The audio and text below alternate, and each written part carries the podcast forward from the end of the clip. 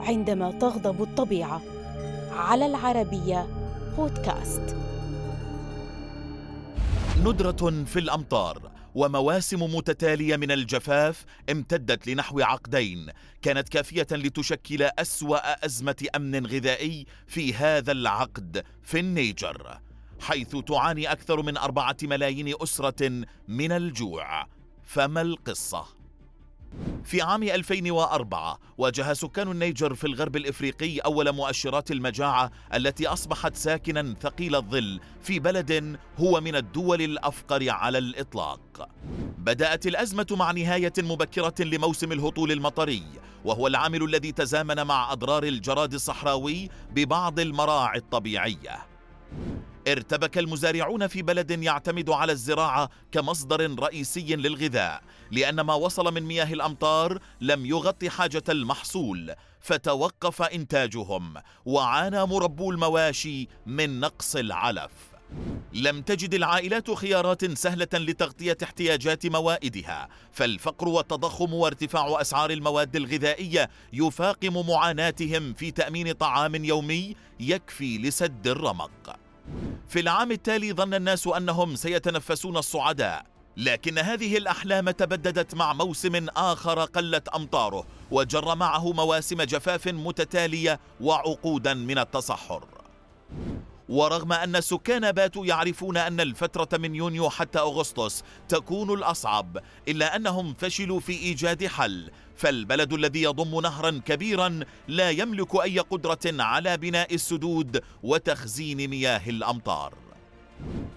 ولأن اعتماد السكان يكون بشكل رئيسي على الزراعة فأصبح تأمين الغذاء الكافي للأهالي شبه مستحيل. فتضاعفت الأزمة يوما بعد يوم وكبرت مع استمرار الصراع السياسي. في منطقة يعتقد أن الجوع يستخدم كسلاح في الحرب وهو ما يتسبب بإغلاق العديد من المراكز الصحية في المناطق الريفية وتعطيل عمليات توصيل الأدوية والمساعدات.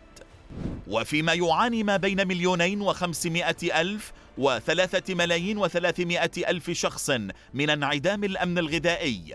تأتي تهديدات الطبيعة هي الأخرى لتضيف فوق الهم هما. فالفيضانات الواسعة النطاق في موسم الأمطار لعام 2022 مثلا دمرت أكثر من 676 ألف هكتار من الأراضي الزراعية. كذلك تتعرض المنطقة لتهديدات أخرى كتغير المناخ والجفاف وحرائق الغابات. ثم يأتي الأسوأ فضعف المناعة الناتج عن انعدام الأمن الغذائي عزز من ازدياد انتشار الأوبئة كالحصبة والملاريا والتهاب السحايا والكوليرا. أما جائحة كورونا فكانت الأكثر إضرارا لا سيما مع إغلاق الحدود الذي تسبب في ارتفاع أسعار المنتجات الزراعية وخاصة القمح والأرز والأسمدة.